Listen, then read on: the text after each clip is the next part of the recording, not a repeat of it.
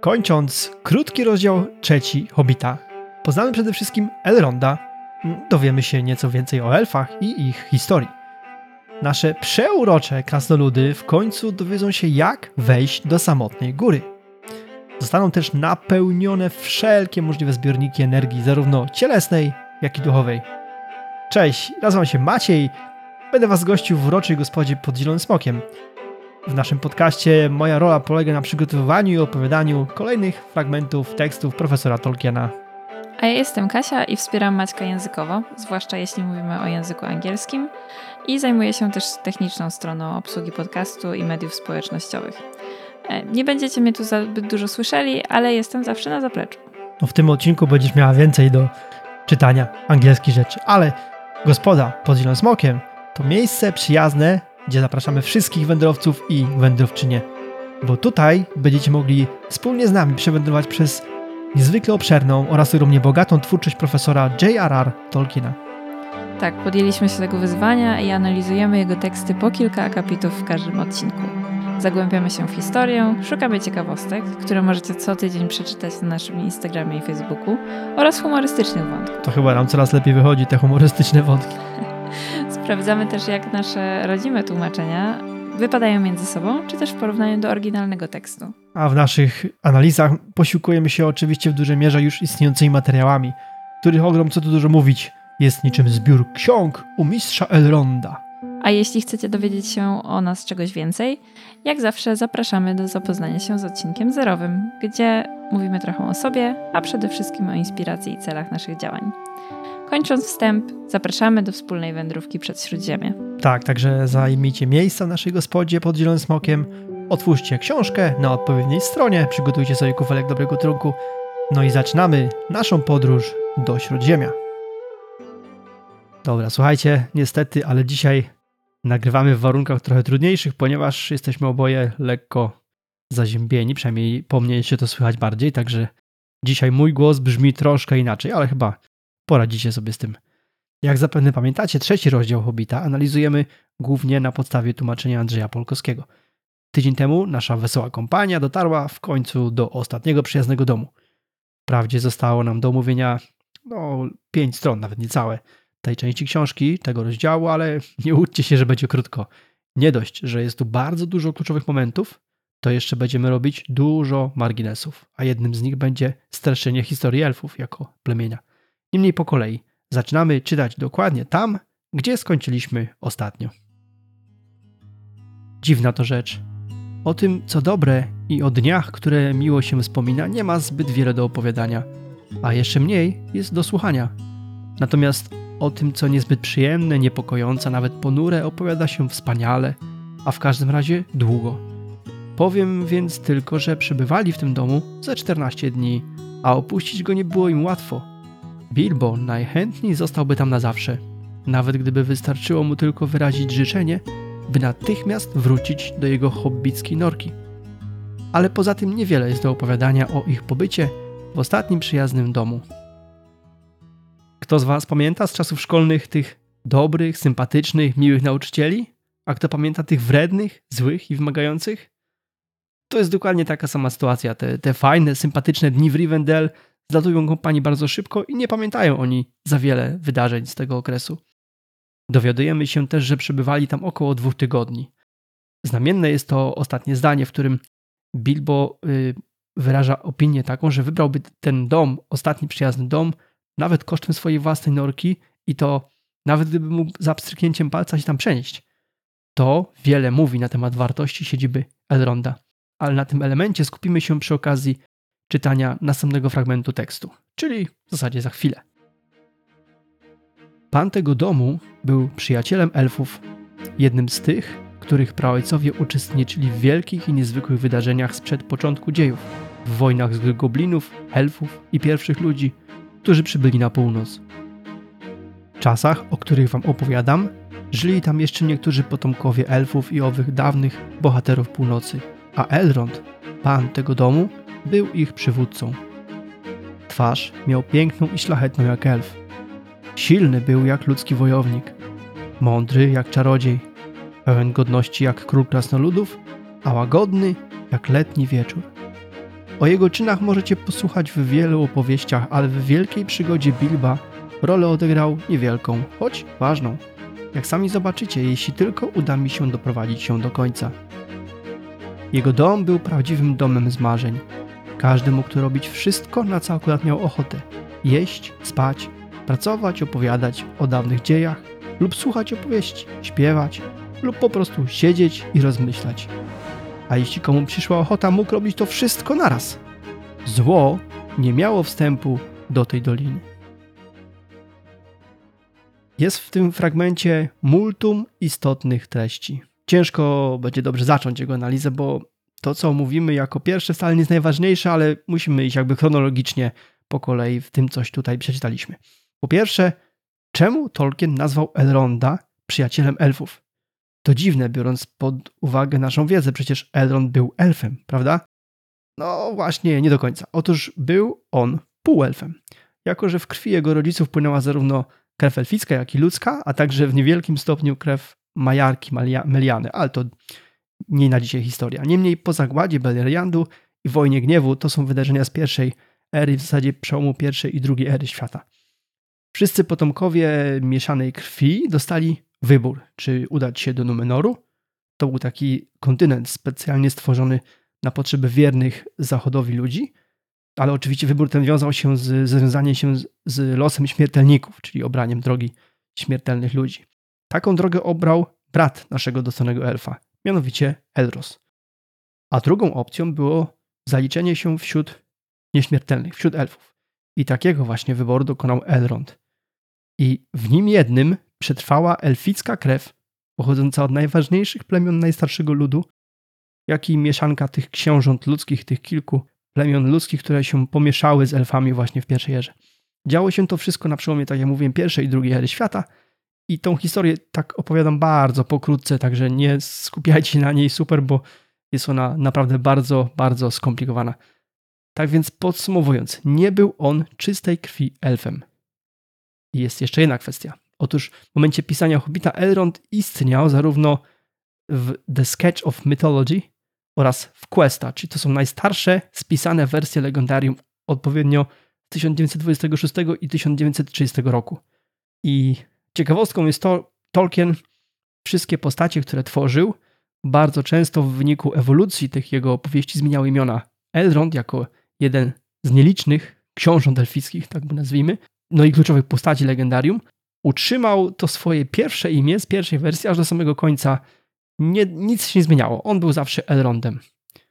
Był to naprawdę wyjątek. Podobnie ma się kwestia jego pochodzenia, bo w zasadzie od początku był synem Elwingi i Erendela ocalonym przez Majdrosa lub Maglora, to się minimalnie zmieniało, bo tutaj Tolkien nie był pewien, kto go ocalił.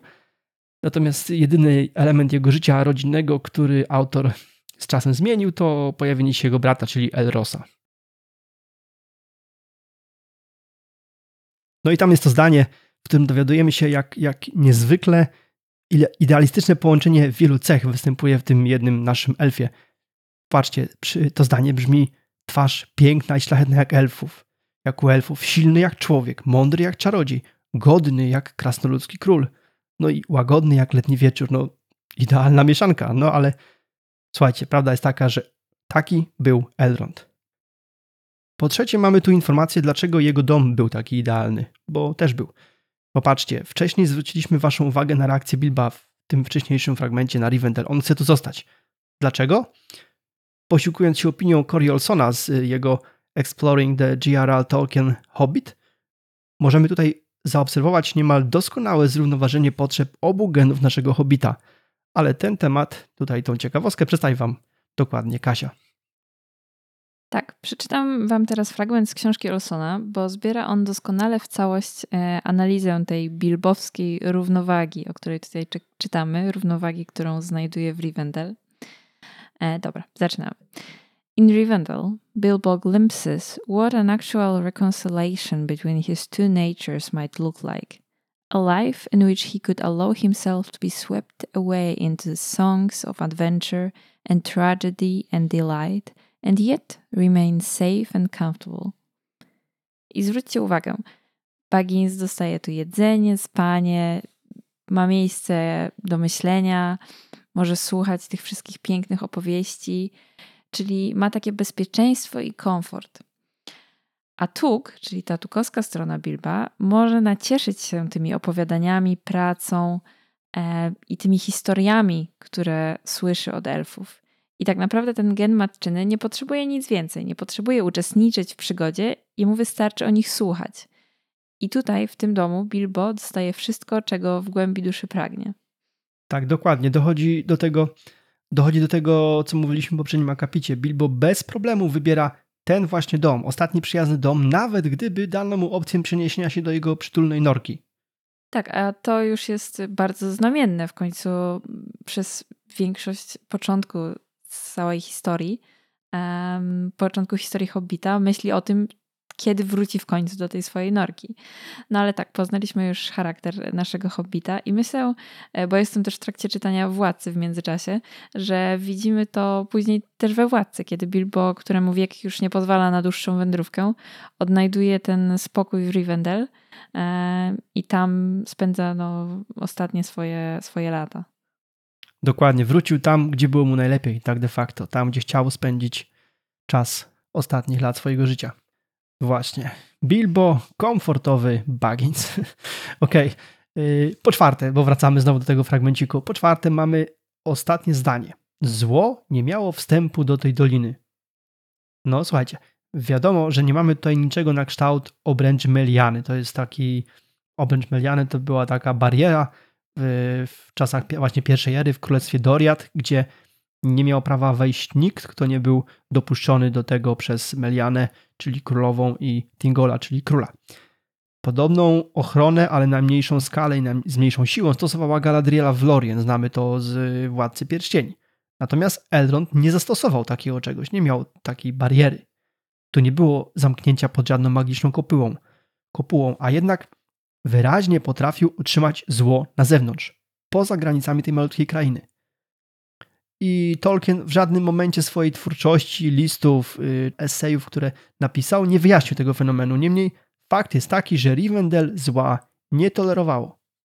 Dobrze, słuchajcie, pojawiły się tutaj już bardzo konkretne informacje o elfach i na pewno macie wiele pytań, albo pojawiły się w waszej głowie te pytania na razie. Także w tym momencie robimy pierwszy dzisiaj długi margines, a mianowicie zajmiemy się pierworodnymi Iluwatara, czyli elfami. Zaczniemy oczywiście od genezy i na podstawie Silmarillionu dowiadujemy się, że elfy, podobnie jak ludzie, są dziećmi Iluwatara, które to pojawiły się w, trzecim, e, w trzeciej pieśni Ainurów, tworzących Ardę. Są też oczywiście najstarszym, najpiękniejszym plemieniem, jakie pojawiło się na Ziemi. W legendarium nazywani byli w przeróżny sposób, e, że tak wymienię Aldarowie, Quendi, Pierworodni, Starsze Plemię, Gwiezdny Lud i, i wiele innych. Szybkie wyjaśnienie, nazwa Eldarowie odnosi się tylko do tych najszlachetniejszych plemion, tych trzech plemion, które udały się na zachód przed pierwszą erą świata i ujrzały światło drzew. Natomiast słowo Quendi to kwenejskie mówiący. Taką nazwę nadali oni sobie sami, ponieważ w momencie ich przebudzenia, w momencie kiedy obudzili się na świecie, byli jedynymi istotami w śródziemiu obdarzonymi darem mowy. Teraz może y, parę słów charakteryzujących te istoty na podstawie encyklopedii Śródziemia Roberta Fostera. Pierworodni mierzyli około 6 stóp wzrostu, czyli mniej więcej 1,80 m na nasze. Byli smukli jednocześnie niezwykle silni. Mieli piękne rysy twarzy, szpiczaste uszy oczywiście i w zasadzie nie mieli zarostu twarzy. Jedyny wyjątek w legendarium to postać Kirdana Szkutnika, jednak jego historię zostawimy sobie na czas analizy Władcy Pierścieni chociażby. Elfowie byli też bardzo odporni na czynniki zewnętrzne. Główne zmysły były dużo bardziej czułe niż w przypadku ludzi. Nie potrzebowali też snu do odpoczynku w takim rozumieniu, jakie my, ludzie, kojarzymy. Potrafili odpoczywać z otwartymi oczami, kontemplując piękno świata, patrząc na piękno świata. Co do zasady, elfowie byli nieśmiertelni, ale tutaj trzeba to lekko wyjaśnić, ponieważ ta nieśmiertelność nie była mm, permanentna. Po pierwsze, byli oni związani z Ardą, Ziemią, czyli koniec Ardy oznaczał koniec tych istot.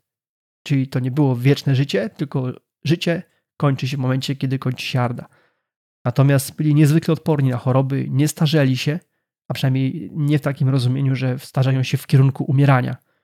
Starzeli się, czyli zdobywali doświadczenie, byli coraz mądrzejsi itd., tak itd. Tak Istoty składały się z dwóch elementów: Chroa i Fea. Chroa, czyli ciało, to niejako powłoka, w której mogli trwać w świecie. Fea zaś to dusza, ten nieśmiertelny właśnie element.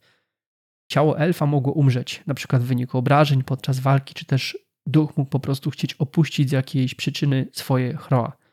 Takie dusze trafiały do Salmandosa, miejsca w Walinorze, gdzie mogły po pierwsze odpocząć, a po drugie oczekiwać, mm, nie nazwijmy to, dalszego ciągu. Tak więc nieśmiertelność elfa nie oznaczała życia wiecznego. Z innych ciekawostek, elfowie potrafili sobie czytać w myślach i wymieniać takie myśli na dłuższą odległość. Niemniej wymagało to dużej siły danego elfa. Jednocześnie obie strony biorące udział w takiej telepatycznej rozmowie musiały jakby wyrazić na to zgodę, otworzyć swój umysł. W legendarium znamy jednak kilka przypadków na tyle silnych pierworodnych, że potrafili złamać barierę w czyimś umyśle i czytać z niego wbrew woli właściciela. Ale czyn taki spotykał się z potępieniem i, no i nie był praktykowany. Elfowie byli z natury dobrymi stworzeniami i nie łamały zasad, które były im jakby narzucone, to może złe słowo, ale bardziej wskazane. Teraz kilka słów o szczepach elfów, bo jest to istotne. Spośród tych, którzy, którzy na początku historii wyruszyli na zachód, czyli zostali wezwani przez y, Walarów do Walinoru, rozróżniamy Waniarów, Noldorów i Telerich. Waniarowie, elfowie piękni, w zasadzie przewędrowali przez Śródziemie po przebudzeniu na wezwanie Walarów, dotarli tam i tam zostali. Nikt z Waniarów nigdy nie wrócił do Śródziemia, i o nich wiemy najmniej, no bo tak naprawdę nie mieli kontaktu z tą naszą częścią Ziemi.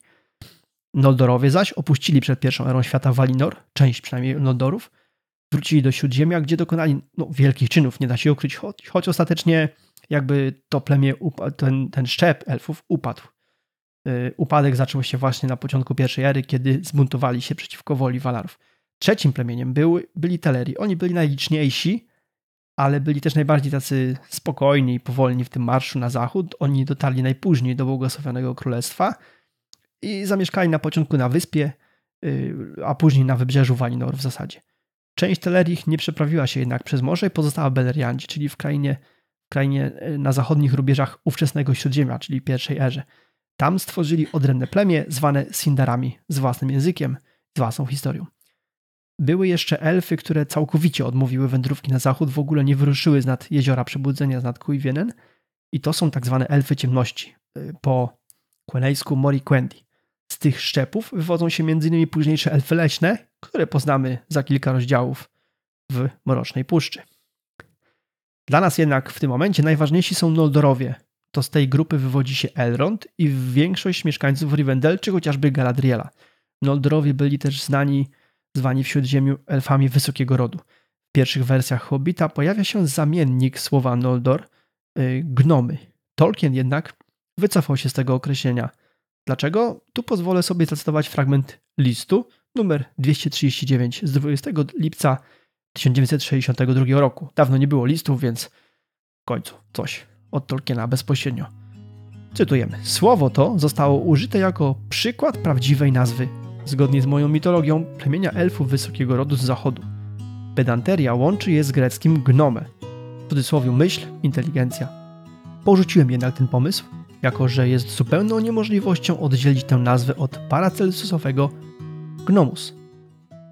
Dla wyjaśnienia, idąc za Douglasem Andersonem, gnomy w rozumieniu średniowiecznego uczonego, czyli Paracelsusa, stanowiły istoty zamieszkujące podziemia i podobne były w wyglądzie do karłów, krasnoludów, tak więc gnomy na trwa, trwale zniknęły z legendarium Tolkiena, a pozostali Noldorowie. I dobrze, chyba zgodzicie się, że brzmi lepiej, prawda? Na koniec tego, tego sidebaru, tego marginesu, chciałbym jeszcze poruszyć jedną kwestię. Czym się Tolkien inspirował, tworząc swoje elfy? Otóż XIX wiek i początek XX to w twórczości angielskiej czy też germańskiej czas pojawienia się takich elfów w postaci maleńkich wróżek, które w magiczny sposób towarzyszyły bohaterom książek. Kasia, opowiedz nam coś nieco o tych elfo-wróżkach. Bardzo chętnie. E, fairy, bo o nich tu mowa, to na podstawie Oxford English Dictionary a small imaginary being of human form that has magical powers, especially a female one – czyli niewielkie człekokształtne istotki o magicznych zdolnościach i częściej występujące jako przedstawicielki płci żeńskiej. Tak chyba najbardziej dla nas, przynajmniej mi się tak najbardziej kojarzy przykład takiej wróżki, to y, postać dzwoneczka z Piotrsia Pana. Na pewno kojarzycie. I takie właśnie baśniowe elfy to właśnie częsty przykład w twórczości z tamtego, nazwijmy to, przedhobitowego okresu. I choć Tolkien korzystał z tego typu elfów częściej, na przykład w listach od świętego Mikołaja, gdzie występowały czerwone i elfy, czerwone i zielone elfy, mm, dokładnie tego typu. Podobnie w pierwszych wersjach legendarium jest sporo odniesień do elfów w takiej właśnie formie. I tutaj przykład dostarczył nam John Ratliff The History of the Hobbit. Luthien dances among white moths in silver pearly dress and hides herself beneath a very tall flower. Czyli, czyli czytamy o Lutien, która tańczy w, mm, między, y, między białymi kwiatkami w sukience i chowa się za tymi kwiatami. I jakkolwiek duży by ten kwiatek nie był i jakkolwiek Lutien nie byłaby smukła, to mierząc takie standardowe 170 cm wzrostu, bo wiemy, że elfowie nie byli ani wyżsi, ani dużo niżsi niż, niż ludzie, to za kwiatkiem nie dała rady by się schować. No a nawet jakby stanęła bokiem? No właściwie jest taki kwiat, e, dziwia, dziw, dziwadło olbrzymie i to jest kwiat, który uchodzi za największy kwiat na świecie. Może on mierzyć nawet do 3 metrów. E, sam kwiat. Wow, wow, wow. Ale, ale wiemy też, że północno, y, że ogólnie Śródziemie to odpowiednik Europy i Tolkien chciał, inspirował się Anglią, tak? Więc ten, y, a ten trzymetrowy kwiat występuje tylko w Indonezji. E, czyli Tolkien by go raczej nie użył. To jeszcze może powiesz mi, że sprawdziłaś największe kwiaty w Anglii albo nie wiem, w Europie? Oczywiście. Zresztą to nie jest takie zaskakujące. Myślę, że każdy zgubił się kiedyś w Wikipedii. E, zaczęło się od szukania największego kwiatu na świecie, e, więc później przeszliśmy do mniejszych grup.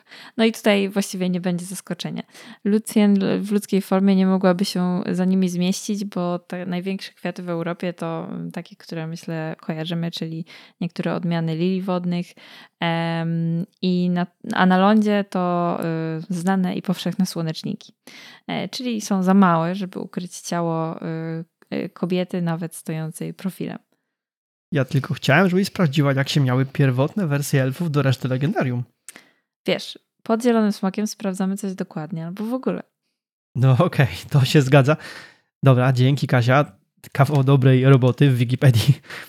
Dobrze, ale chciałem powoli przejść w kierunku ewolucji tych tolkienowskich elfów, tak więc profesor z Wolna zaczął opowiadać się za wersją tą taką bardziej legendarną, z legend, czyli taką średniowieczną. Pamiętacie w poprzednim rozdziale taka sama sytuacja miała, miała miejsce z trollami. Tolkien właśnie opowiadał się za tą wersją e, legendarną, średniowieczną, bardziej niż taką współczesną, tworzoną przez e, pisarzy XIX i początkowo XX-wiecznych. Tak więc średniowieczne elfy, znane chociażby z różnych dzieł około arturiańskich czy poematów, przykład Sir Orfeo, to już bardziej takie ludzkie, mówię o wymiarach istoty, choć nie aż tak magiczne jak ten przytoczony wcześniej dzwoneczek z Piotrsia Pana. Nadal jednak miały nadprzyrodzone w stosunku do zwykłych ludzi zdolności. Jak zauważa Ratliff oraz Olson, w Hobbicie mamy miks obu tych wpływów. Elrond jest wyraźnie przedstawicielem tego starszego nurtu, natomiast elfy te śpiewające, tańczące na drzewach, to bardziej ten właśnie kierunek XIX-XX wieczny, czyli taki wróżkowy. Z czasem, w ramach ewolucji twórczości profesora, ci Ferris, te wróżki, znikną całkowicie. We Władcy Pierścieni chociażby nie spotkamy żadnego elfa mogącego być porównywanym do, do wróżek tych XIX-wiecznych z bajek. Okej, okay, myślę, że tak bardzo pokrótce przedstawiliśmy Wam historię elfów w dziełach profesora i przy okazji mieliśmy lekką prawkę do matury z biologii. Nie jest to jednak nasza najsilniejsza strona, przynajmniej moja. Historia elfów? Nie, no biologia, ale mamy pod ręką internet. No to się zgadza. Biologia to, biologia to jest słaby temat, ale zgadzam się, choć tam trzeba też umieć filtrować te treści, bo nie wszystko jest od razu gotowe do podania. Tak czy owak, w ramach zakończenia tego marginesu dotyczącego elfów, zaprosimy Was teraz na krótką przerwę. O, i właśnie, w zeszłym tygodniu, w siódmym odcinku, nie było środkowej przerwy. Nie wiem, czy zauważyliście. Przyznajemy, zapomnieliśmy nagrać. To może dzisiaj nagramy dwie. No i będzie nadrobione. Świetny pomysł, ale dobra, żarty na bok. Przerwa będzie jedna. Witamy tych i te z Was, którzy odwiedzają naszą gospodę po raz pierwszy. A i bardzo dziękujemy tym, którzy słuchają nas regularnie. No i przypominamy, Gospoda pod Zielonym Smokiem to nie tylko podcast. Można nas znaleźć na Instagramie pod.zielonym.smokiem, na Facebooku podcast pod zielonym smokiem. Czekamy też na Wasze maile na gospoda małpa pod zielonym smokiem pisane razem.com. Tak, z Facebookiem mieliśmy małe problemy techniczne, ale już wszystko jest w porządku, więc pewnie teraz, kiedy słuchacie tego odcinka, już coś tam się dzieje. Jeśli podoba Wam się to, co tutaj robimy, zachęcamy do zajrzenia tam, do ocen komentarzy i subskrypcji w Waszych aplikacjach podcastowych. Zachęcamy też do rozszerzania naszej społeczności. Jeśli macie znajomych, którzy mogą być zainteresowani wspólnym wędrowaniem przez dzieła Tolkiena, zaproście ich pod Zielonego Smoka. Nasza strona internetowa podzielonysmokiem.com zawiera linki do wszystkich odcinków wraz z przypisami, a także przebogatą bibliotekę książek Tolkienów, J.R.R. i Christophera oraz książek o Tolkienie. Zapraszamy do zajrzenia tam, no i też do dyskusji o hobbicie, o naszych interpre interpretacjach i odcinkach. Jesteśmy otwarci na Wasze sugestie, podpowiedzi, komentarze i dodatkowe informacje. Dobra, słuchajcie, czas podjąć tekst ponownie. Zaczynamy najciekawsze i najistotniejsze dla rozwoju fabuły fragmenty rozdziału. Końcu nadszedł długi wieczór przed najkrótszą nocą, w samym środku roku. O świcie mieli ruszyć dalej w drogę. Elrond znał się dobrze na runach wszelkiego rodzaju. Obejrzał dokładnie miecze, które wynieśli z jamy troli i powiedział: Nie jest to na pewno robota troli. To bardzo stare miecze, dzieło rąk elfów wysokiego rodu z zachodu, moich krewniaków. Wykuto je w gondolinie w czasach wojen z goblinami. Zapewne zawlókł je do swego legowiska jakiś smok, albo zrabowały gobliny, bo to smoki i gobliny zniszczyły gondolin przed bardzo wielu laty. Runy na twojej klindze, Torinie, głoszą, że nosi on nazwę Orkrist, co w dawnej mowie gondolinu znaczy pogromca goblinów. To słynny miecz, a ten Gandalfie to Glamdring, czyli młot na wrogów. Nosił go kiedyś sam król Gondolinu. Dbajcie o nie i strzeżcie ich dobrze. Ciekaw jestem, jak trafiły w ręce troli, mruknął Thorin, przyglądając się swemu mieczowi z nowym zainteresowaniem. Tego nie wiem, odrzekł Elrond. Ale podejrzewam, że wasze trole ograbiły innych grabieżców albo znalazły czyjeś dawne łupy w jakiejś górskiej pieczarze. Słyszałem, że w opuszczonych sztolniach Modi do dziś można natrafić na dawno zapomniane, pradawne skarby, pochodzące jeszcze z czasów wojny krasoludów z goblinami. Dorin przez chwilę rozważał te słowa, po czym oświadczył z powagą. Będę szanował ten miecz jak świętą pamiątkę, oby wkrótce znów gromił gobliny. Chyba zaczniemy od krótkiego wyjaśnienia tytułu naszego rozdziału. Otóż kto z Was grał w Diablo? Pewnie sporo, a pozostali zapewne kojarzą. Oczywiście też grałem, w zasadzie w drugą i trzecią część. Dość powiedzieć, że gram bardzo mało albo prawie w ogóle w gry, które wymagają podłączenia do prądu. Y, to Diablo jako jedną z zaledwie, nie wiem, kilku, nie trzech gier chyba, przeszedłem od początku do końca. Niemniej to, to nieistotne z tą grą i naszym głównym bohaterem wiąże się nierozerwalnie postać Dekarda Keina mędrca, którego w Diablo musimy uwolnić z rąk złych sił. Po uwolnieniu towarzyszy on nam już do końca jako postać, która zawsze jest w obozowisku, w miejscu, gdzie nasza postać wraca, resetuje się, kupuje sobie zasoby, sprzedaje to, co zdobędzie i tak dalej. Y, I, zajmuje się niczym innym jak identyfikowaniem przedmiotów. Za darmo. Czyli pełni dokładnie taką samą rolę, jak Elrond właśnie świadczy dla kompanii. No i teraz już ci z was, którzy grali, dużo. Na pewno skojarzy moment, kiedy podchodziło się do Dekarda w grze, a on miał głos pod jego postać podkładał Piotr Franceski i mówił: Zostań na chwilę i posłuchaj.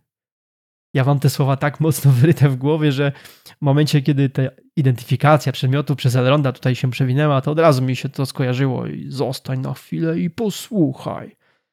Także dobra, odpowiedź na pytanie o tytuł rozdziału. Jakbyście taki, takie chcieli zadać, to już mamy. Dobrze, zajmijmy się teraz tym tekstem.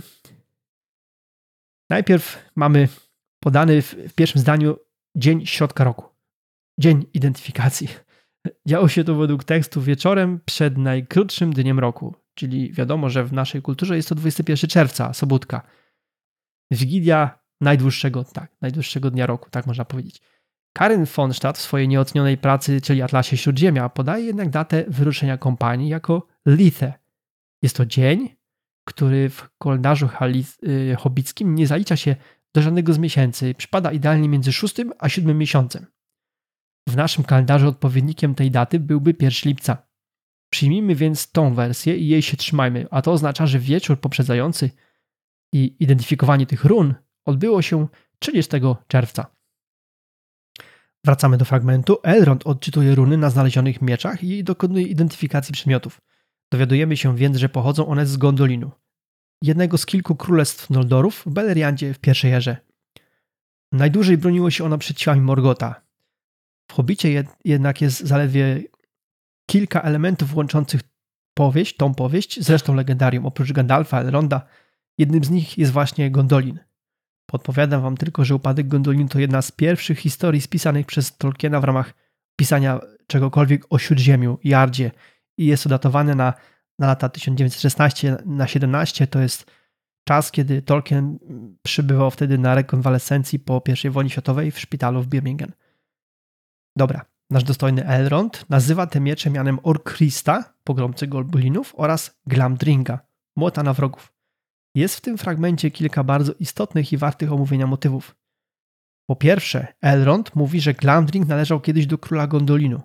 Wiemy z legendarium, że był tylko i wyłącznie jeden król tego państwa, mianowicie Turgon. Zginął on w czasie oblężenia miasta, kiedy wieża, w której się broniły resztki obrońców, zawaliła się, grzebiąc m.in. króla. Orkowie ograbili później miasto, więc w ruinach wieży mogli odnaleźć ten miecz. To jest możliwe. Nie mogli go jednak używać, to była klinga elfów, to był ostrze zrobione przez elfów, nie, nie, nie dawały się dotykać złym istotom. No ale w ten sposób mogły po długich perturbacjach z rąk do rąk trafić w końcu do tej właśnie jaskini troli. Jest to w jakiś sposób wytłumaczalne, mogło się tak zdarzyć. Jest jeszcze jedna ciekawostka. Słuchajcie, musimy sobie zdać sprawę z tego, że Elrond, przejdźmy przez jego genealogię, Elrond był synem Erendila, którego matką była Idril Celebrindal, jedyna córka tego właśnie króla Gondolinu, Turgona. Czyli Elrond jest prawnukiem Turgona i prawowitym spadkobiercą zarówno jego miecza, a także innych skarbów z Gondolinu, czyli także Orkrista. I zobaczcie, co się dzieje. Bez wahania, bez mrugnięcia okiem oddaje te dwa ostrza na służbę Gandalfowi i Torinowi. Oczywiście, wiadomo, czarodziej i elf byli przyjaciółmi, więc jakby y, i Elrond też jest świadomy roli Gandalfa, jaką odegra w walce z Sauronem. Więc to, że oddał Glamdringa jest jakoś wytłumaczalne. No okej, okay, no wiadomo, to są przyjaciele, Elrond zna cele Gandalfa. Ale to, że oddał skarb rodowy Torinowi, krasnoludowi, z którymi przecież jawnie jeszcze chwilę wcześniej mówił, że nie przepada za krasnoludami, za ich dążeniem do złota i tak dalej, a tu oddaje jemu pamiątkę rodową swoją, jedną z niewielu, które przetrwały, albo jedną, albo jedyną, można powiedzieć w tym momencie, bo jednego już, jeden mieć już oddał. Także no nie ukrywamy, że krasnoludy z elfami byli, były w raczej chłodnych relacjach od czasów pierwszej ery. To jest już prawie 6000 lat, prawie 7. No i tu wrócimy jeszcze do poprzedniego rozdziału. Pamiętacie, jak kompania wyszła z jaskini troli z, z mieczami? W tekście było, że Gandalf nie podjął się odczytania run na ostrzach. Powiedział wtedy, cytuję, kiedy je odczytamy. I tu się nazywa proste rozwiązanie. Wygląda na to, że Gandalf na pierwszy rzut oka poznał, skąd mogą pochodzić ostrza. On to zauważył i wiedząc o tym, chciał, żeby to Elrond je odczytał i ewentualnie Elrond, jako potomek i spadkobierca tych skarbów Gondolinu, podjął decyzję, co z nimi zrobić. Zwróćcie uwagę, jak ten dar działa na Torina. Pierw, tutaj cytat, mruknął Torin, przyglądając się swemu mieczowi z nowym zainteresowaniem. Zaś chwilę później, kolejny cytat, Torin przez chwilę rozważał te słowa, po czym oświadczył z powagą: Będę szanował ten miecz jak świętą pamiątkę, oby wkrótce znów gromił gobliny. I słuchajcie, zobaczcie, co się teraz dzieje, jak ty, tym jednym darem Elrond, najpierw Gandalf, oddając decyzję Elrondowi, a teraz Elrond podejmując tą decyzję, którą jakby Gandalf być może przewidział, a jednocześnie Elrond no, podjął ją, czyli oddał swoją pamiątkę rodową krasnoludowi, który idzie walczyć między innymi też z orkami czy, czy, czy ze smokiem. I ten dar ma ogromne znaczenie nie tylko dla tych tutaj zgromadzonych trzech panów Elronda, Gandalfa i Torina, ma też ogromne znaczenie dla kontaktów elfów z krasnoludami, dla pogodzenia się tych w mniejszym, większym zakresie tych dwóch ras, do czego dojdzie de facto. Zobaczymy jeszcze w tej książce. A wiem przecież też, jak wielki szacunek i respekt mają krasnoludowie do tego typu skarbów, do tego rodowych. Także Torin to tym bardziej jest, nawet jeśli nie był świadomy do końca roli Elronda jako prawowitego właściciela i, i to, że ten Orklis nie należał nawet do króla, tylko jakiegoś tam innego elfa, ale na pewno dostojnego, to wiedział już, że są to miecze, do których ten elf ma prawo. On posiada prawa do tych mieczy. Zaraz na początku przecież mówi w tym fragmencie, to bardzo stare miecze, dzieło rąk elfów wysokiego rodu z zachodu, moich krewniaków. I ten dal Eronda, po części wywołany przez Gandalfa, wzbudza wielki respekt Torina. Torin zupełnie inaczej patrzy na ten miecz, zupełnie inaczej patrzy na elfów w tym momencie. No i być może było to w, w, w oczach Gandalfa jednym z tych elementów rozgrywki między tymi plemionami, prowadzącymi do ich pogodzenia. Pamiętajcie, że Gandalf, o czym mówiłem wcześniej w poprzednich rozdziałach i poprzednich e, podcastach, Gandalf myśli bardzo geopolitycznie. On nie myśli tu i teraz. Gandalf myśli, co te zdarzenia, które, którego jest, jest jakby kółkiem w tym momencie, trybikiem, ale co to wszystko przyniesie dla, na przyszłość. Dobrze, podsumowując, czyli czarodziej pozostawił odczytanie run elfowi, no i zgodnie z przewidywaniami Elrond oddał te miecze na służbę obu znalazcom. Dla Turina to był jasny sygnał. Elf oddał mu rodową pamiątkę wielkiej wagi. Tylko dlatego, żeby mógł jeszcze posłużyć walce ze wspólnym wrogiem, orkami. Genialna rozgrywka Gandalfa. A w poprzednim rozdziale tak się wydawało, że olał te mieczy, nie? Popatrzył, dobra, nie będziemy teraz czytali, a to jest jednak, widzicie, Gandalf. Zadziałał świadomie i długofalowo. Ło, się rozgadałem o tym jednym fragmencie, a za chwilę jeszcze ważniejszy przed nami. Dobra, moi drodzy, króciutki kawałek tekstu pominiemy i wracamy do czytania w momencie, kiedy Elrond dostaje do rąk mapę samotnej góry. Długo się w nią wpatrywał, kręcąc głową bo choć nie bardzo poważał krasnoludów i nie pochwalał ich miłości do złota, z całego serca nienawidził smoków, ich okrucieństwa i złośliwej niegodziwości. Bolał na wspomnienie ruin miasta Dale, jego dzwonów, dziś milczących, a dawniej radosnych, a także spalonych nadbrzeży rzeki Bystrej. Srebrny sierp księżyca jaśniał na nocnym niebie. Elrond uniósł mapę i pozwolił, by przeniknął ją biały blask. A co to takiego? mruknął. Widzę tu księżycowe litery. O tu, obok zwykłych run, głoszących drzwi wysokie na pięć stóp, trzech przejdzie ramię przy ramieniu.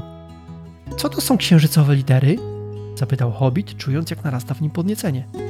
Jak już wam mówiłem, Bilbo uwielbiał mapy. Bardzo go też ciekawiły runy i piękne, ręcznie kreślone litery, choć jego własne pismo było rozchwiane i cienkie jak pajęczyna. Księżycowe litery to po prostu niewidzialne runy. Można je zobaczyć tylko wtedy, gdy przez pergamin prześwieca blask księżyca.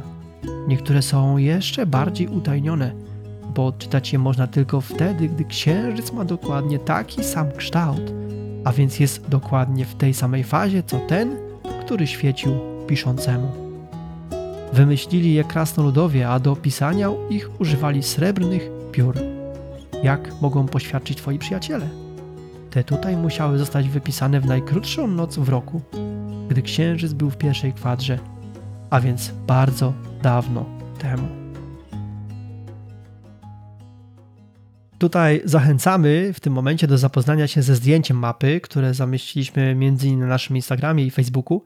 Łatwiej będzie rozmawiać o, o rysunku, mając go przed oczami. Ale po kolei, pierwsze co Elrond bierze do ręki mapę Autor tłumaczy nam, czym się kieruje w chęci pomocy krasnoludom. Mimo braku pochwały dla tej miłości dla złota, w pewnym momencie unosi mapę tak, że prześwituje przez nią księżyc. Dobra, to, to teraz o samej mapie. Mapa przedstawia oczywiście samotną górę i jej najbliższe okolice. Widać tam przebieg rzeki Bystrej w kierunku Długiego Jeziora i miasta na jeziorze. Są też zaznaczone Pustkowiec Małga, Zwiędłe Wrzosowiska. Na obrzeżach zaś mamy zaznaczone strzałkami krótkie opisy pokazujące, co się w danym kierunku czyli w kierunku tego obrzeża, znajduje na przykład Mroczna Puszcza, Żelazne Wzgórza i, tam, i tak. Ciekawostka jest, że na modłę krasnoludów mapa ma u góry wschód a nie północ. Nie wiem, czemu tak utrudniać, chociaż może to kwestia przyzwyczajenia, nie wiem. Mapa oczywiście jest sporządzona ręcznie, ewidentnie ręcznie. Jest chociażby namalowany smok krążący nad górą. Po lewej stronie zrobiony jest taki margines, obramowany podwójną kreską, mm, na którym zapisane są informacje o tym tajnym tunelu i narysowana jest taka ręka wskazująca wejście do tego właśnie podziemnego przejścia. Dodam jeszcze tylko, że w wersji, w wersji mapy jest no kilka, co najmniej kilka. Tolkien, jak to on, wiadomo, nigdy nie był w 100% zadowolony z efektu i ciągle coś zmieniał, poprawiał, ulepszał. Niemniej od momentu, kiedy trafiła do druku, czas zmian się skończył i mamy dostępny, znany dokładnie obrazek mapy Trora, czyli mapy samotnej góry, bo to są nazwy stosowane zamiennie. Dobrze, słuchajcie, skoro już poznaliśmy tą mapę wizualnie jako tako, zajmiemy się tekstem. Elrond kieruje mapę ku światłu księżyca. W tym momencie zauważa runy księżycowe. Bilbo oczywiście przełącza się szybciutko w tryb tuka i wyskakuje z pytaniem, na które nasz elf cierpliwie, skrupulatnie odpowiada. Wiemy, że runy księżycowe, dowiadujemy się, że runy księżycowe to wynalazek krasnoludów. Wiemy, że technologia ta pozwalała zapisywać tekst przy użyciu specjalnych srebrnych piór i dzięki temu będzie on tylko widoczny, ten tekst, tylko i wyłącznie w świetle księżyca. Wyższy poziom run księżycowych to takie, które są widoczne tylko i wyłącznie w dokładnie takim samym świetle, w fazie księżyca, w jakiej zostały zapisane. Oczywiście runy księżycowe są wynalazkiem krasnoludów. I zanim pójdziemy dalej, musimy zatrzymać się na chwilę, żeby omówić kwestię czasową i kwestię niesamowitego zbiegu okoliczności, jakie właśnie nastały. Ale tutaj wpierw potrzebuję wsparcia Kasi. Zacytuję wam tutaj fragment oryginalnego tekstu z Hobbita. They can only be seen when the moon shines behind them, and, what is more, with the more cunning sort, it must be a moon of the same shape and season as the day when they were written. Czyli najważniejsze w tym zdaniu jest stwierdzenie, że te specjalne runy o wyższym poziomie utajnienia, chyba najwyższym, e, muszą być odczytane dokładnie tego samego dnia, kiedy ktoś je spisał, i jednocześnie księżyc musi być w tej samej fazie. Właśnie tak. I, I Polkowski w tym przeczytanym wcześniej fragmencie nie dał aż takiego nacisku na zbieżność tego dnia z fazą księżyca. Widzimy to natomiast w dwóch y, pozostałych tłumaczeniach, bo Skibniewska y, przetłumaczyła to, a co więcej, gdy chodzi o runy bardzo sekretne, o tej samej porze roku i dnia i przy tej samej kwadrze księżyca, jaka była w chwili ich wypisywania. A Brajter Ziemkiewicz? A jeśli sporządzono je naprawdę kunsztownie, powinien być to księżyc w tej samej kwadrze i z tego samego dnia jak ten, który świecił, gdy je napisano. No i teraz słuchajcie, będzie matematyka. Jeśli ktoś nie lubi, to życzę powodzenia. Dlaczego jest to aż tak kluczowe? Ano, już wyjaśniamy. Otóż idziemy po kolei. Runy księżycowe level 1. Widoczne zawsze, kiedy świeci na niebie światło księżyca, tak? Czyli takie na przykład na zachodniej bramie Mori są takie runy. Wystarczy bezchmurne niebo i widzimy napis, pojawi się zawsze. No i teraz załóżmy, że level drugi to wystąpienie dokładnie takiej samej fazy księżyca, czyli takie runy można odczytać raz na 28 dni, no bo wiemy, że księżyc ma cykl 28-dniowy, tyle wynosi miesiąc księżycowy. Czyli od jednego nowiu, momentu kiedy nie ma księżyca, do momentu kiedy znowu nie ma księżyca, jest dokładnie 28 dni. Oczywiście zawsze warunkiem pomocniczym musi być czyste niebo, bezchmurne niebo, musi być ten księżyc widoczny. Ok, to był level drugi, teraz mamy trzeci. Runy są do czytania tylko i wyłącznie w dany dzień roku kalendarzowego, a więc słonecznego. Czyli jeśli ktoś zapisał runy księżycowe dokładnie 30 czerwca, to tylko 30 czerwca, w kolejnych latach oczywiście, będzie można je odczytać. I wtedy niezależnie od fazy księżyca. Pod warunkiem oczywiście dalej, że będzie on świecił, czyli nie będzie chmur itp. itd. No i teraz mamy poziom czwarty, czyli ten, z którym mamy do czynienia w książce, a mianowicie zarówno dzień kalendarza słonecznego, jak i faza księżyca musi się ze sobą pokryć. Muszą zajść jednocześnie dwa czynniki, które stanowią podstawę poziomu drugiego i trzeciego. I wiecie, jak często takie zjawisko występuje? Nie zgadniecie, ale dokładnie raz na 63 lata słoneczne.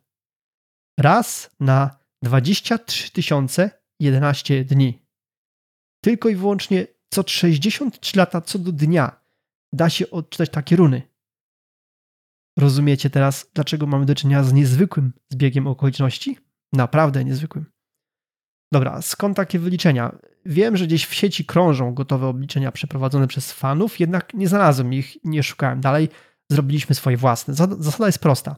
Rok księżycowy, składający się ze stabilnych 28-dniowych miesięcy, ma dokładnie 354 dni. Rok kalendarzowy, czyli słoneczny, ma tych dni 365, a raz na 4 lata 366, czyli to jest zmienne. Czyli jeżeli 30 czerwca ujrzymy na niebie pełnię, to rok później, 30 czerwca, ujrzymy księżyc o 11 dni wcześniejszy, we wcześniejszej fazie, bo różnica między rokiem kalendarzowym a rokiem księżycowym jest właśnie 11 dni.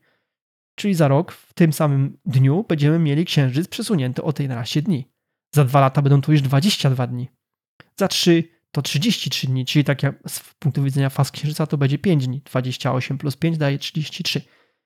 No i słuchajcie, tak więc szukając w bardzo prosty sposób, zrobiliśmy sobie e, w Google formularz, który nam to policzył.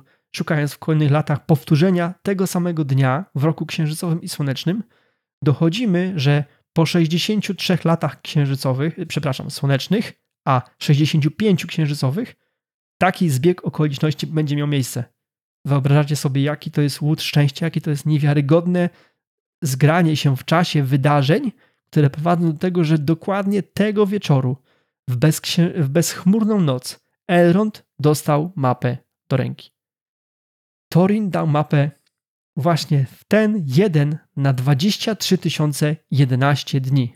Do tego nie było chmur. No, jakaś wyższa siła chyba maczała w tym palce. Macie takie wrażenie? No musi, prawda? Bo to jest aż niemożliwe. Dobra. Mam nadzieję, że nie, nie rozsadziłem wam teraz czaszek tymi wyliczeniami. Wracamy do tekstu. Najpierw pomijamy pytanie Torina i Gandalfa, którzy poczuli się tak lekko urażeni, że to nie oni odkryli, odkryli te runy księżycowe, zwłaszcza Torin. Gandalf zresztą też. On też był dumny, wiadomo. W rzeczywistości przecież no, nie mieli takiej szansy, bo ten dzień nie trafił się nigdy za czasów, kiedy oni mieli tą mapę w ręce.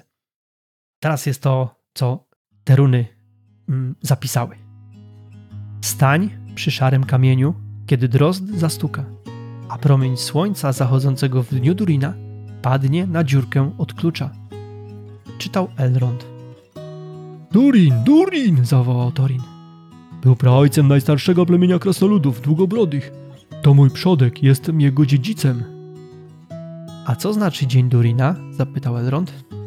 Jak wszyscy powinni wiedzieć, odrzekł Torin, nasz nowy rok rozpoczyna się w pierwszy dzień ostatniego miesiąca jesieni, tuż przed progiem zimy.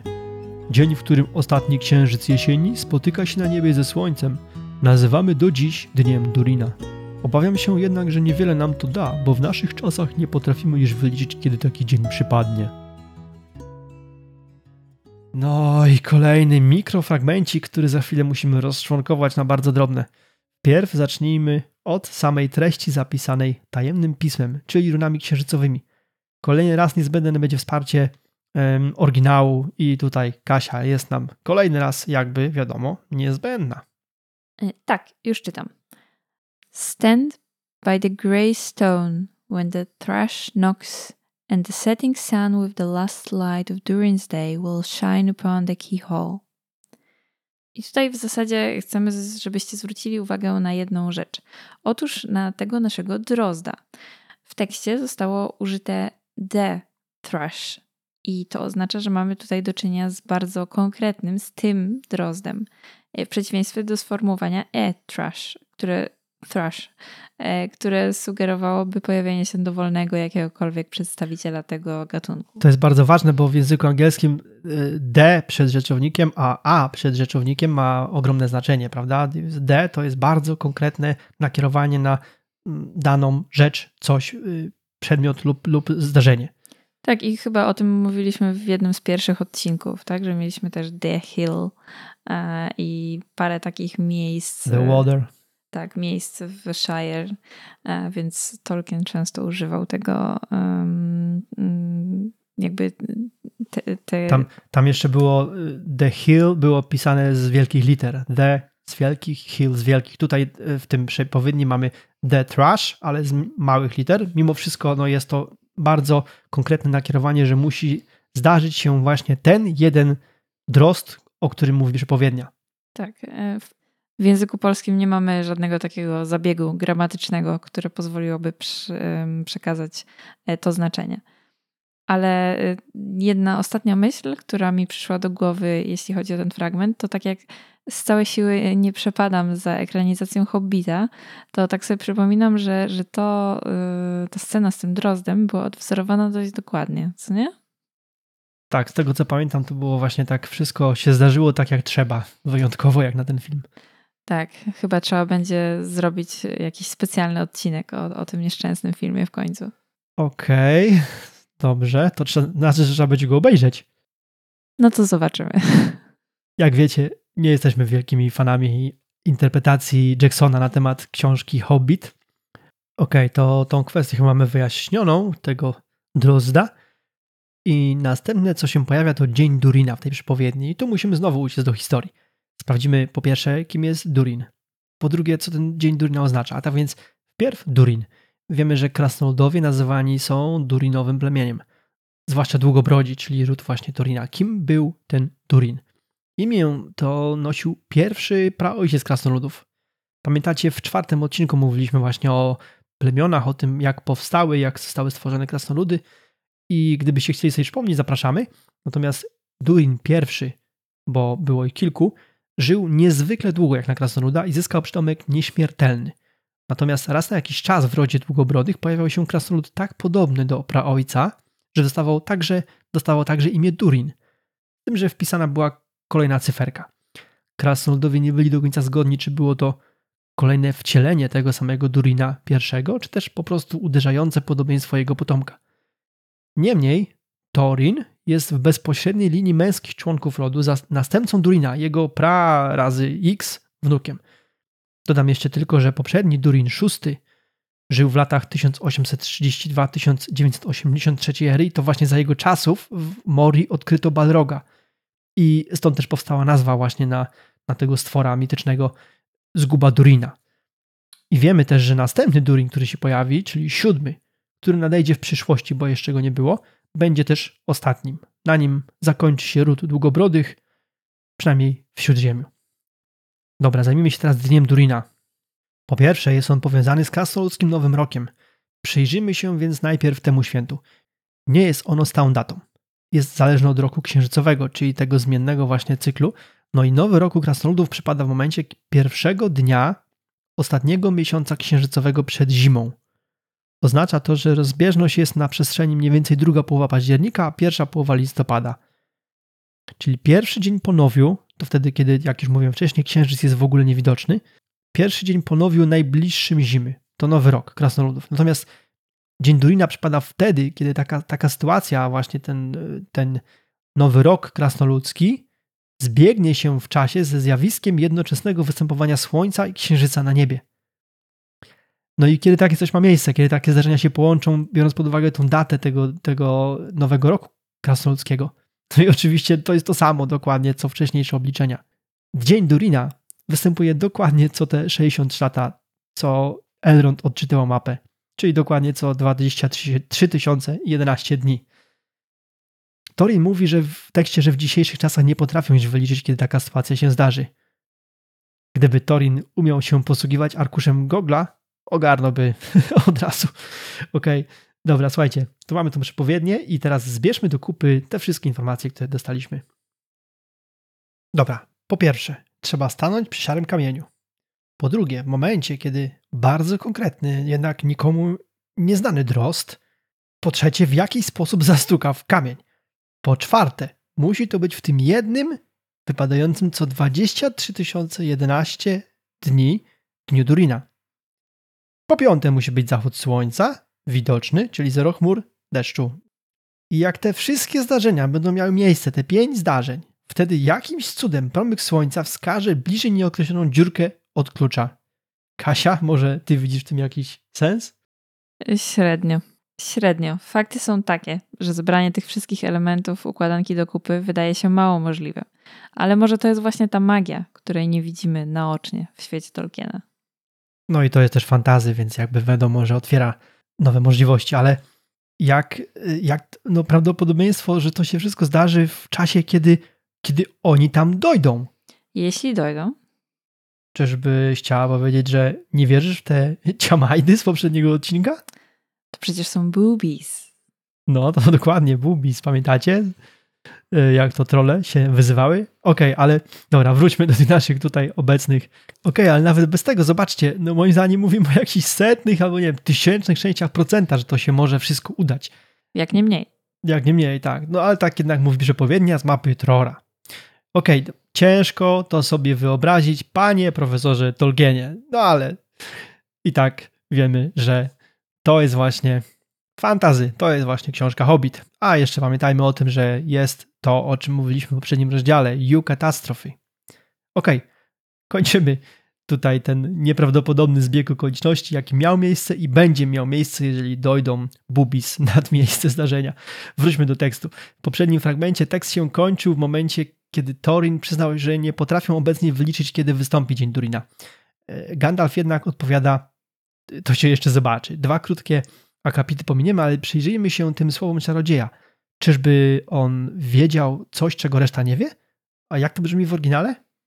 W oryginale mamy That remains to be seen, said Gandalf. Czyli mniej więcej dokładnie to samo. To się okaże, zobaczy, czy coś w tym stylu. No i tu mi się nasuwa od razu takie podejrzenie. Czyżby Gandalf coś wiedział? Być może potrafił policzyć i znał datę kolejnego dnia Durina. Albo teraz właśnie na szybko połączył fakty. Skoro mapa dała się odczytać dokładnie teraz, w tym roku, w tym dniu, to może jest to znak, że właśnie w tym roku też przypadnie ten właśnie dzień Durina z przepowiedni. Ciekawe, no nie znaleźliśmy jednak nigdzie w spisanych materiałach profesora niczego, co by jakby odpowiadało na to pytanie albo potwierdzało te moje pomysły aktualne. Ok, w takim razie za chwilę przeczytamy ostatni fragment tego rozdziału. Ranek był tak piękny i świeży, jak tylko można to sobie wymarzyć w samym środku lata. Niebo błękitne, ani jednej chmurki, słońce migotało wesoło w spienionych falach potoku. Dosiedli koni i odjechali truchtem, żegnani śpiewem i życzeniami dobrej drogi, pełni ochoty do dalszych przygód i uzbrojeni w wiedzę o szlaku, który miał ich poprowadzić przez góry mgliste do rozciągających się za nimi krain. Ten króciutki fragmencik jest podsumowaniem pobytu w Rivendell w zasadzie. Zwróćcie uwagę, oni nie tylko wyruszyli z napełnionymi jukami, doposażeni i z uzupełnionymi zapasami. Nie tylko wypoczęli i się zregenerowali, oni podczas pobytu w ostatnim przyjazdem domu tak jakby nadbudowali sobie morale ponad ten standardowy stan, morale, energię psychiczną ponad poziom maksymalny, jeśli tak można powiedzieć. Czyli wyruszają nad, nadbudowani. Dodatkowo zdobyli nową wiedzę na temat posiadania mapy, czyli głównego tematu wyprawy, wejścia do samotnej góry. No i jeszcze jeden ważny element. Mają już teraz trzy sztuki broni. Trzy sztuki broni na 15 osób. No mega postęp. Trzy rozdziały i trzy sztuki broni. Przy pięknej pogodzie wychodzą więc z Rivendell yy, ku górom. A propos tej pogody mi się jeszcze nasuwa, to jeszcze w ten dzień Durina musi się trafić, przecież to jest listopad albo grudzień. No nie, no listopad powinien być najpóźniej.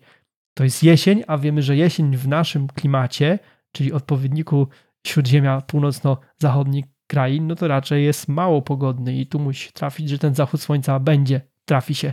No, to takie dodatkowe. Dobra, okej, okay, kończymy w dzisiejszym odcinku. Poznaliśmy bardzo dużo historii, faktów spoza książki Hobbit. Nie zwracałem waszej uwagi wcześniej, ale teraz przypomnę. Te wszystkie historie trafiły do czytelników wiele, wiele lat później. Dość powiedzieć, że słuchajcie, historia o upadku Gondolinu została opublikowana w wydanym w 1977 roku Silmarillionie. Cztery lata po śmierci profesora. A w efekcie niezwykłej pracy edytorskiej jego syna, Christophera oczywiście. Czyli dokładnie 40 lat po Hobicie można było dowiedzieć się, czym był wymieniony w pierwszej powieści profesora w trzecim rozdziale Gondolin. Jak upadł, jak zginął jego król Turgon z tym mieczem. 40 lat. Ktoś, kto w 1937 roku zachłysnął się książką, nie wiem, mając 20 lat, dowiedział się o wydarzeniach z pierwszej ery, mając ich 60. Wyobrażacie sobie, co tu się działo? W ogóle jakie to były odstępy czasowe? To jest, to jest okropne, moim zdaniem. My dzisiaj skaczemy z książki do książki, wchodzimy do pokoju, bierzemy z półki to, co chcemy i, i mamy od razu to co, to, co potrzebujemy, szukamy, znajdujemy brakujące informacje i tak dalej. A nawet jeśli nam brakuje jakiejś pozycji, to zamawiamy i jest u nas 2-3 dni, nie? A tutaj 40 lat czekania. Masakra. Niemniej pamiętajcie, spróbujcie teraz przez chwilkę pomyśleć, jakbyście się czuli z lekturą Hobbita, nie znając tych faktów. Dokładnie tak mieli wszyscy, którzy przeczytali pierwszą powieść profesora w 1937 roku w zasadzie przez kolejne lata, aż co najmniej do 54. Skończył nam się niezwykły rozdział, choć krótki, bardzo istotny. Zobaczcie, jak dużo informacji pobocznych trafiło nam się dzisiaj podczas omawiania czterech kartek rozdziału 4,5. Jak tu nie uwielbiać Tolkiena? Niemniej to by było na tyle, jeśli chodzi o dzisiejszy odcinek. Dziękujemy bardzo za Wasz czas spędzony pod Zielonym Smokiem i pamiętajcie, czekamy na Wasze maile i pytania w mediach społecznościowych. Postaramy się najciekawsze zagadnienia czy komentarze poddać publicznej analizie na łamach tegoż podcastu. Zapraszamy też do zasubskrybowania naszego podcastu. Nie zapomnijcie też.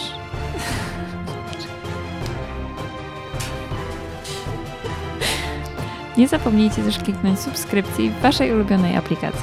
Przepisy do wykorzystanych w tym epizodzie cytatów i innych materiałów znajdziecie w bibliografii odcinka na naszej stronie internetowej. Tam mamy też pełną, bardzo bogatą bibliotekę książek i innych mediów, z których korzystamy, tworząc podcast. A w oczekiwaniu na kolejny odcinek zapraszamy do przeczytania kolejnego fragmentu tekstu. W ramach czwartego rozdziału Hobbita czas wybrać się w góry, także ubierzcie się ciepło. Lub ukryjcie w komfortowej norce.